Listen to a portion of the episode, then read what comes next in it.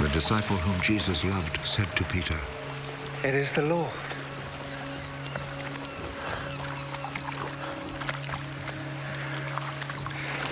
When Peter heard that it was the Lord, he wrapped his outer garment around him, for he had taken his clothes off, and jumped into the water. The other disciples came to shore in the boat, pulling the net full of fish. They were not very far from land, about a hundred yards away. When they stepped ashore, they saw a charcoal fire there with fish on it and some bread.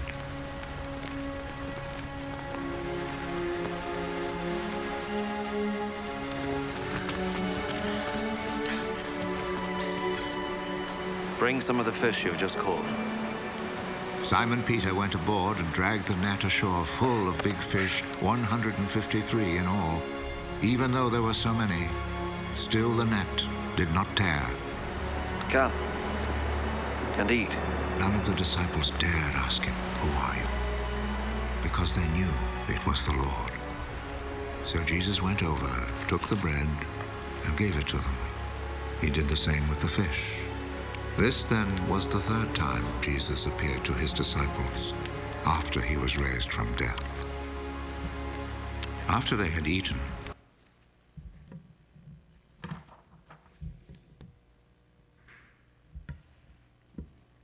skal vi be sammen.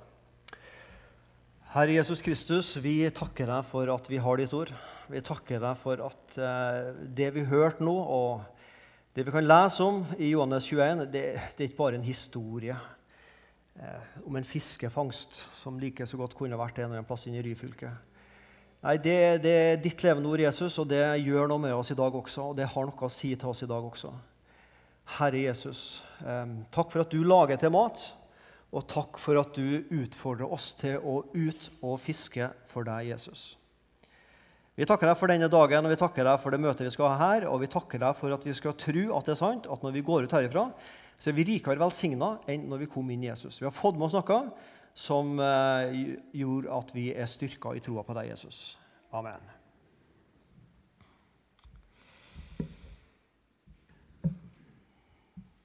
Ja, Johannes 21, 1-14.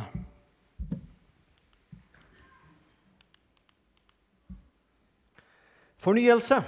Fornyelse. Som jeg sa til dere, så um, skal jeg snakke om fornyelse, om å bli tatt med tilbake. Sånn at dere kan ta med Mariell tilbake til det Gud gjorde med henne i dag. At Gud gjorde noe grunnleggende. Og Fornyelse handler om å bli tatt med tilbake til der Gud gjorde noe grunnleggende med oss som kristne, som mennesker. Og um, Dette ordet 'fornyelse' det er litt sånn moteord. Eh, enkelte perioder i eh, Kristen-Norge så snakkes det mye om fornyelse. Andre perioder kanskje litt mindre. Om vi er nå på en topp, eller om vi er nede i en dal, eller om vi er på vei opp eller ned når det gjelder fornyelse, det vet ikke jeg så mye om, men det er et litt sånn ord som brukes litt i kristen sammenheng. Vi kunne vært på et møte, og så, hvis vi virkelig kjenner at vi får den åndelige praten på gang, så kan vi si til hverandre at det var et godt møte i dag. Jeg kjente at jeg ble nesten fornya. Altså. Eller ikke bare nesten fornya, jeg kjente jeg ble fornya. Det kan vi si til hverandre. Eller vi kan si at vi trenger mer fornyelse i kristen sammenheng. Det tror jeg alle er enige om. Vi trenger mer fornyelse. Men det er jo ikke et spesielt kristent ord, fornyelse. Det kan jo brukes om det meste. Jaha, er det noen som kjenner seg igjen? Pusse opp badet? Ja, du skal godt gjøre hvis du kommer under et visst antall sum der. altså. Det er ikke billig, har jeg skjønt. Du kan heller ikke bare kan, men du må av og til fornye førerkortet. Ja, det er jo en fornyelse, det òg. Det er ikke meg, men det er kanskje noen av ett type kjønn kjenner seg igjen i den. Forny ditt selvbilde og få mer ut av livet. Ja, ja, ja. Kanskje noen av oss trenger det. jeg vet ikke. Eller denne. Det er jo sånn Du skriver 'fornyelse' og 'kirke' og litt sånn inn på Google, så hopper det opp bilder. Dette er fra Selbu i Trøndelag. Det er ei bygd i Trøndelag som eh, ikke har så veldig mye eh, kristen aktivitet. Men presten her tenkte jeg må få mer folk i kirka, så han inviterte til gammeldans og trekkspillgudstjeneste. For noen år siden. Da, da var kirka stappfull, skal jeg fortelle dere. Så dette er fra en reportasje i Adressa om trekkspill og gammeldansgudstjenester i Selbu. Ja, det var en måte på å fornye liturgien på det òg. Så um, fornyelse kan vi bruke på mange måter. Disiplene som hadde vært ute og fiska, det er ikke bare en historie som jeg sa, som kunne skjedd nesten hvor som helst. Men, men den sier oss noe i dag. og de hadde jo opplevd påska. Nå er vi ei uke etter første påskedag. Og de var også noen dager etter første påskedag. Og Vi vet hva som skjedde, og vi vet også hva betydninga er av det. Det tror jeg vi vet, vi som sitter her. De vet hva som skjedde, disiplene, men de var nok ikke klar over betydninga av påska på samme måte som oss. Så de, de hadde liksom hørt at Jesus var stått opp, og en par ganger hadde de møtt ham, men så hadde han plutselig forsvunnet igjen. og så Er det noe spøkelse? Er det, er det reelt? Er det, har det klikka for oss i hodet? Hallusin, hallus, hva heter det for hallusinasjoner? Altså, hva er det som skjer med oss? Hva er dette? Så sjøl om de hadde møtt Jesus sin levende, så var de også mismodige. Rett og slett. Mismodighetens tåke hadde stengt utsikta til troens liv og troens verden. Jesus var død, nå var han stått opp igjen. Og De hadde møtt ham til og med én og to ganger etter oppstandelser. Men det hadde liksom ikke helt gått opp for dem hva som har skjedd. Ja, hva med oss nå? Hva skjer? Blir ting som før, eller hva skjer med oss og Jesus? Og De var forvirra, og de fant ut at det er kanskje best at vi går tilbake til det gamle livet og fisker. For, for det fikser vi jo. Vi fikser og fisker. Det kan vi. Men det her med Jesus' oppstandelse det, det fikser vi ikke helt. Og Så møter de Jesus, og så hadde de fått hørt om at Jesus skulle dø og stå opp. Det hadde Jesus sjøl sagt til dem. Og så kjente de ikke igjen Jesus. Vi har disse to Emmaus-vandrerne som gikk fra Jerusalem til Emmaus. Eller var det motsatt vei? Det betyr ikke så mye. Iallfall så kom Jesus og slo følge med dem. Og så kjente de ikke Jesus igjen. De hadde jo vandra med Jesus i tre år og kjenner han ikke igjen. Og så er det sånn med oss, iallfall med meg og kanskje med deg sånn, Det kommer en sånn tåke inni hodet, inni det åndelige synet, så vi kjenner ikke igjen Jesus sånn som han virkelig er. Mismodighetens tåke, kanskje. Å se det kjente uten å kjenne det igjen. Å se uten å forstå. Jesus sa jo til fariseerne en gang at dere skal se og se, men ikke forstå. Ikke skjønne. Dere skal se altså, hva som skjer, men dere skjønner det ikke. Og Her virker det som det samme har skjedd med disiplene. De så jo Jesus, men forsto det ikke helt. Å se Jesus, men ikke se og skjønne hvem han er. Vi tror at vi vet hva andre mener, og så hører vi ikke skikkelig etter. Det kan vi i hvert fall kjenne igjen, vi som er gift med mann og kone. at vi tror liksom, Jeg tror at jeg vet hva kona mener, og så sier hun noe, og så tror jeg jeg vet hva hun mener. Men det var ikke det hun mente. Ja, sånn har vi det av og til. Det er noen som bukker her, ser jeg. Altså, du, du, kjenner en person, men, men, du skjønner ikke helt hva den personen sier likevel. For man tar hverandre som en selvfølge. Mismodighetens tåke, men også selvfølgelighetens tåke kommer så lett inn i kristenlivet. Selvfølgelig er jeg en kristen. Selvfølgelig vet jeg hvordan jeg blir frelst, og hvorfor jeg er frelst. Og når, når mye selvfølge kommer inn i kristenlivet, så forsvinner undringa. Og når undringa forsvinner, så forsvinner beundringa av Jesus. Og takken og tilbedelsen stilner. Selvfølgelighetens tåke tror jeg er like farlig som mismodighetens tåke. Fornyelse er å bli tatt med tilbake. Fornyelse er å bli tatt med tilbake. Take me back. Take me back, dear Lord, to the place where I first received you. Take me back. Take me back, dear Lord, where I first believed. Det var en sang som man sang i ungdomskoret den gangen jeg var ungdommer. En gang i forrige årtusen. Er det noen som kan den? Take me back, take me back, dear Lord, to the place where I first received you. Take me back, take me back, dear Lord, where I first believed. Det var oppvarminga. Nå blir vi med. Take me back, Take me back, dear Lord, to the place where I first received you. Take me back, take me back, dear Lord, where I first believed. Ja, jeg syns det liksom var litt veldig svung over den. Det var, liksom, litt sånn tyngde over. Den, der. den sang vi, den var vi glad i. vet du. Å bli tatt med tilbake. Og Det er akkurat det som Peter opplever, og disiplene opplever i dag. De blir tatt med tilbake til den første fiskefangsten som vi kan lese om i Lukas 5. For når de står der og fisker, så er det et eller annet som skjer i disippelen Johannes sitt hode. Dette har skjedd før. Peter, Det er Jesus som står på stranda, akkurat sånn som for tre år siden. Og Så blir man tatt med tilbake til det man opplevde da, og så opplever man en fornyelse i det man en gang hadde fornyelse og bli tatt med tilbake til den første kjærligheten til Jesus. Da jeg møtte Jesus, da jeg så påskeunderet, da jeg så hva det betydde at Jesus stod på korset, og at han sto opp for meg også. Og jeg skjønte når jeg tror på det, så er jeg frelst. Det er mitt. Han kom til meg, og han gir det inn i mitt hjerte. Og Så går åra, og så kommer selvfølgelighetens tåke, eller mismodighetens tåke. Og så blir vi tatt med tilbake til den første opplevelsen, til den første kjærligheten som det står om i Johannes' åpenbaring. Og så opplever man en fornyelse. Hva var det som skjedde med Peter i den første fiskefangsten? Jo, han fikk et møte med seg sjøl. Herre, gå fra meg, for jeg er en syndig mann. Herre, gå fra meg, jeg er en syndig mann. Han så sitt sanne jeg. Jeg er et syndig menneske.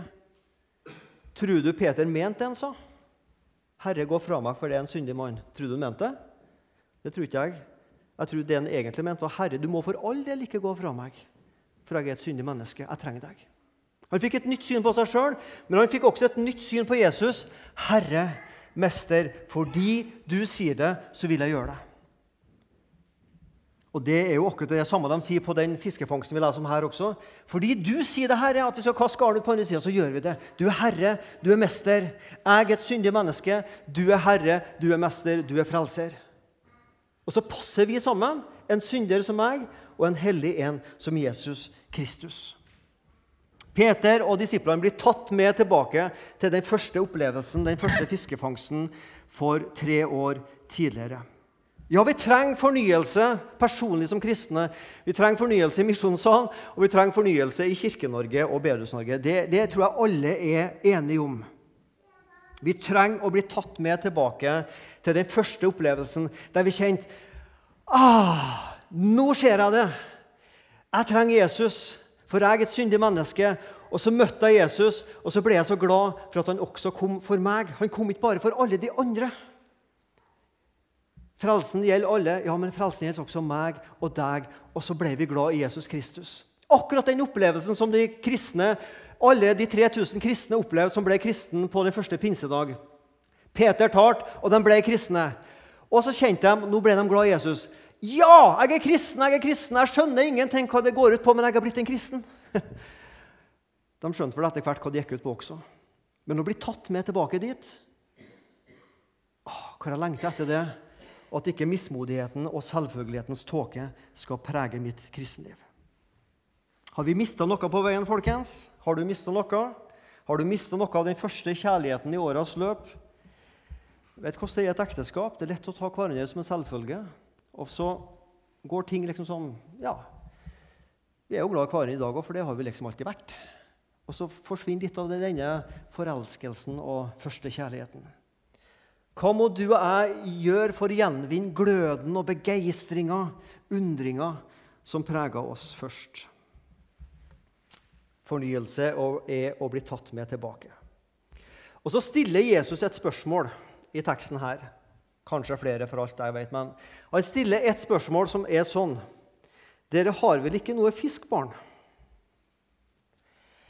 Dere har vel ikke, Eller har dere fått fisk? Har dere fått fisk? Det er et forferdelig ekkelt spørsmål. Lurte Jesus på om de hadde fått fisk? Visste ikke Jesus at de ikke hadde fått fisk? Altså, lurte Jesus opprinnelig på eller ekte på om de hadde fått fisk? Nei, det gjorde han ikke, for han visste at de ikke hadde fått fisk. Men Jesus stiller et litt sånn ekkelt spørsmål. Har dere fått fisk? Og Det ekle spørsmålet må vi også ta med oss i Misjonssalen og i Kristen-Norge. Får vi fisk? Blir folk frelst? Får vi fisk? Jeg tror vi i kristne sammenhenger er rimelig gode til å behandle fisk, til å foredle fisk. Og så er vi veldig flinke med å ordne med fiskeredskaper og oppdatere fiskeredskaper, sånn at de skinner litt bedre og fungerer litt bedre og er litt mer velsmurt og har litt bedre teknisk standard enn de hadde for et år siden. Ja, vi er gode til sånne ting med fiskeredskap og foredling av fisk. Men får vi fisk? Blir folk frelst? Ja, Det spørsmålet bør vi ta med oss. Og Det fins ikke et sånn ja-nei-svar på det. Det er ikke det jeg er ute etter. Men jeg tror vi må ta med oss det ekle spørsmålet også i vårt liv. Lever jeg sånn at jeg er med å føre andre mennesker til Kristus? Får jeg fisk? Eller uh, lurer jeg meg unna? Jeg har en forkynnerkollega oppe i Trøndelag som heter Kristian. Han fortalte han var med, var ute en sommer og hadde en møte en plass og bodde i en heim. Så eh, På kvelden så spor eh, heimen han bodde, de var fiskere. så han som han bodde, han spor kvelden forrige. Har du lyst til å være med ut i morgen tidlig og dra inn garna? Vi må opp tidlig, altså. Ja, det kunne han tenke seg å prøve å være med på en gang. Så de var opp tidlig om morgenen akkurat idet sola kommer over horisonten. Ut på fjorden, drar opp garna og kommer i land. Og så sier Kristian at de går opp mot huset. Så, så, så sa Kristian at da sa jeg til denne fiskeren at det var en flott fisketur. Den var kjempemessig. Jeg var stilt på havet. Det var soloppgang, det var varmt. Det var en flott fisketur så ble det stilt fra fiskeren. Vi fikk ikke fisk. Vi kan ha mange fine fisketurer i Kristen-Norge, men får vi fisk? Jeg fikk en SMS i 2008. Jeg har fått mange SMS-er siden 2008, men denne husker jeg godt, for jeg noterte ned den. En som går her i forsamlinga, som har vært med på evangelisering på Ruten. Og I den SMS-en sto det sånn Anders tok imot Jesus i dag på ny. Vær med i forbønn for ham. En som har vært kristen, falt ifra. Møtte han på natt til lørdag på Ruten. Og Han ble en kristen igjen. Begynte å gå her i forsamlinga og gikk her fram til han flytta tilbake der han er fra i Norge. Får vi fisk? Det var en flott fisketur. Det var sikkert kaldt den natta. Kanskje regna det, yra det litt ut også. De ville heller ligge i senga og sove. Men det var en vellykka fisketur. Én ble vunnet tilbake til Jesus. Får dere fisk? Kom Nei, vi går tilbake der, ja. Får vi fisk, kast noten ut på høyre siden av båten, så skal dere få fisk. Hva mener Jesus? Er det bedre å fiske på den siden av båten eller på den siden av båten? Det trodde Kjersti når hun var lita jente, men det ble ikke så veldig mye mer fisk. forstod jeg. Gjør det noe forskjell om vi kaster nota på høyre eller på venstre side av båten? Så, sånn egentlig gjør det noe forskjell? Nei, det gjør jo ikke det. Altså, det er jo kanskje tre meter imellom, for alt jeg vet. Så det er jo ikke mer fisk tre meter der enn tre meter der. Hva, hva, er det Jesus mener? Jesus mener prøv noe nytt. Prøv noe nytt som vi ikke har gjort før. Se om det lykkes. Og Jeg vet, jeg har arbeidet i kristen sammenheng så mange år. Jeg vet hvor lett det er å kopiere fjoråret, legge fjorårets liste på kopimaskinen og forandre på noen dato, så gjør vi det likens. For det koster så lite. Det er så enkelt. Men tør vi å ta den innsatsen og energien og kreftene det krever for å mulig prøve noe nytt? Som disse ungdommene som gikk på Ruten. De prøvde noe nytt, og de fikk fisk. Vi har drevet med eldretreff. Heter ikke eldretreff, forresten heter Vi over 60. heter det. En tirsdag i måneden inne i Sidesand her i mange år. Det er skikkelig flott fisketur. altså. Der kommer det veldig mange mennesker som i hvert fall ikke jeg kjenner. Det kan godt hende de går i andre kristne sammenhenger, for alt jeg vet. Men jeg tror der kommer det en del søkende eldre mennesker. En flott anledning til å fiske. Skulle vi gjort noen vennekvelder? Ta med venner til Misjonssalen-kvelder? Hva skal vi gjøre folkens, for å få fisk? Hva skal vi gjøre i vår forsamling? Hva skal vi gjøre i Kristen-Norge for å få fisk? Jeg har ikke noe svar på det. Men av og til så tror jeg vi må legge våre hoder i bløt som dette, og tenke nytt og prøve ting litt annerledes. Og ikke bare si nei, her i forsamlinga så fisker vi søndag klokka 11 og søndag klokka 5. Da fisker vi her, for da har vi våre to søndagsmøter. Nei, vi må tenke litt kreativt. Hvordan skal vi gjøre det for å få fisk? Fiskere, ja, Jeg kan lite om fisking, selv om det har vært mye fiskere i min familie. Så uh, rakk ikke jeg opp hånda når Kjersti spurte om noen som likte fisking, for jeg er ikke blant dem. Men jeg, denne herren her er veldig god. altså. Har du hørt historien om fiskerne som slutta å fiske fordi de ble så opptatt med å fortelle gamle fiskehistorier? Tok du den? Har du hørt historien om fiskerne som slutta med å fiske og gå ut og fiske for de ble så opptatt av å sitte og fortelle gamle fiskehistorier? Ja, før i tida da var det bedre. Da var det vekkelse. vet du. Da kom predikanten til bedehuset. Og du vet, Frukta var så moden, så det var bare i et lite kakk borti treet så ramla frukta ned. vet du. Og nei, Da var det vekkelse. Og Da sang vi de sangene, og så gjorde vi det på den måten, og da ble det vekkelse. altså. Ja, ja det fungerte godt. Fungerer det i dag? Kanskje. Kanskje ikke. Men vi blir kanskje så opptatt av å fortelle om hvordan ting var. Og da kommer mismodighetene. vet du. Nei, for det er jo ikke sånn i dag. Og så blir vi mismodige, og så blir vi litt sånn deprimert, og så passiviseres vi. Eller skal vi fortelle gamle historier for å bli inspirert av dem og tenke vi snur litt på dem, vi, vi, gjør ting litt annerledes, men vi tar med oss den ånden som er fra de gamle fiskehistoriene, og så gjør vi det samme i dag, bare på vår måte i vår tid. Kast nota ut på den andre sida. Prøv noe nytt. Prøv noe. Det er ikke sikkert vi lykkes, men prøv. Og så handler det om å være lydig. Peter kunne jo sagt men herlighet, det er jo tre meter forskjell mellom høyre og venstre side av båten. Det er jo ikke noe, jo ikke noe forskjell, Jesus. Men han gjorde det likevel. Han var lydig. Og Så får vi spørre oss sjøl i kristen sammenheng skal vi gjøre det på vår måte eller skal vi gjøre det på Jesu måte. Er det jeg som vet best, eller er det Jesus som vet best? Svaret er ganske åpenbart. Og må være villig til å dumme seg ut. For Peter tenkte jo jeg kan jo kaste ut, og så kanskje blir det ingenting. Da vil jo de andre i båten le av meg. Du hørte på han på stranda, og så ble det ingenting av det. Han var villig til å dumme seg ut. Man kan si mye galt om Peter, men han var, våga iallfall å sette beina utafor båten og prøve å gå på vannet. Det gjorde ikke andre. Han Han var villig til å dumme seg ut. En dag så skal jeg og en dag skal du stå foran Guds domstol. Og svar for våre liv Kanskje vil jeg si et eller annet som dette her. Herre, vi lyktes ikke med alt vi prøvde. Eller egentlig, vi lyktes med ganske lite. Men vi prøvde iallfall noe. Eller skal vi en dag stå og si Herre, vi lyktes med veldig lite fordi, egentlig fordi vi prøvde ingenting. La oss iallfall prøve noe. Mester, svarte Simon, vi har strevd hele natten og ingenting fått, men på ditt ord vil jeg kaste ut noten. Så gjorde de det og fikk så mye fisk at noten holdt på å revne lydighet. Kom og få mat. Det er de to punktene. For det første, ta med oss dette ekle spørsmålet får vi fisk. Og så dette herlige evangeliet. Kom og få mat. Det er Jesus som inviterer til mat. Og så synes jeg Det er en så flott vekselvirkning, fordi det står at det lå allerede noe fisk der og brød der på kullgilden som Jesus sjøl har ordna til. Jesus serverer sin mat, og samtidig så inviterer han disiplene kom noe med også deres mat, og få det å spise. Kom og få mat. Det er Jesus som serverer sin egen mat. Det er viktig å skaffe nye mennesker til Guds rike, og det er viktig å få ut evangeliet. og det er viktig at Guds ord kommer ut. Det er ingen av oss er i det. Men det er også like viktig at du og jeg som bekjenner oss som kristne, at vi er oss bevisst å ta i oss føde, vi også. Det er så lett å og kan bli opptatt av alle andre som skal få mat, åndelig mat, altså, at du glemmer sjøl å spise. Er det vanskelig å spise? Det må læres opp.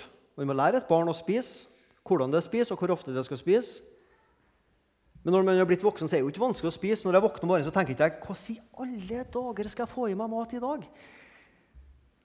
Jeg sliter ikke med det. altså. Jeg vet hva brødboksen er, jeg vet hva kjøleskapet er, jeg vet hvordan du får på smør og pålegg, jeg vet hvordan jeg gaper opp, og jeg vet hvordan jeg tygger og svølger. Det er ikke vanskelig for å være litt banal å få i seg mat. Men det har jo noen som har lært meg det her i årenes løp. da. Ikke minst hvordan jeg skal spise fint. Det holder jeg på å lære ennå.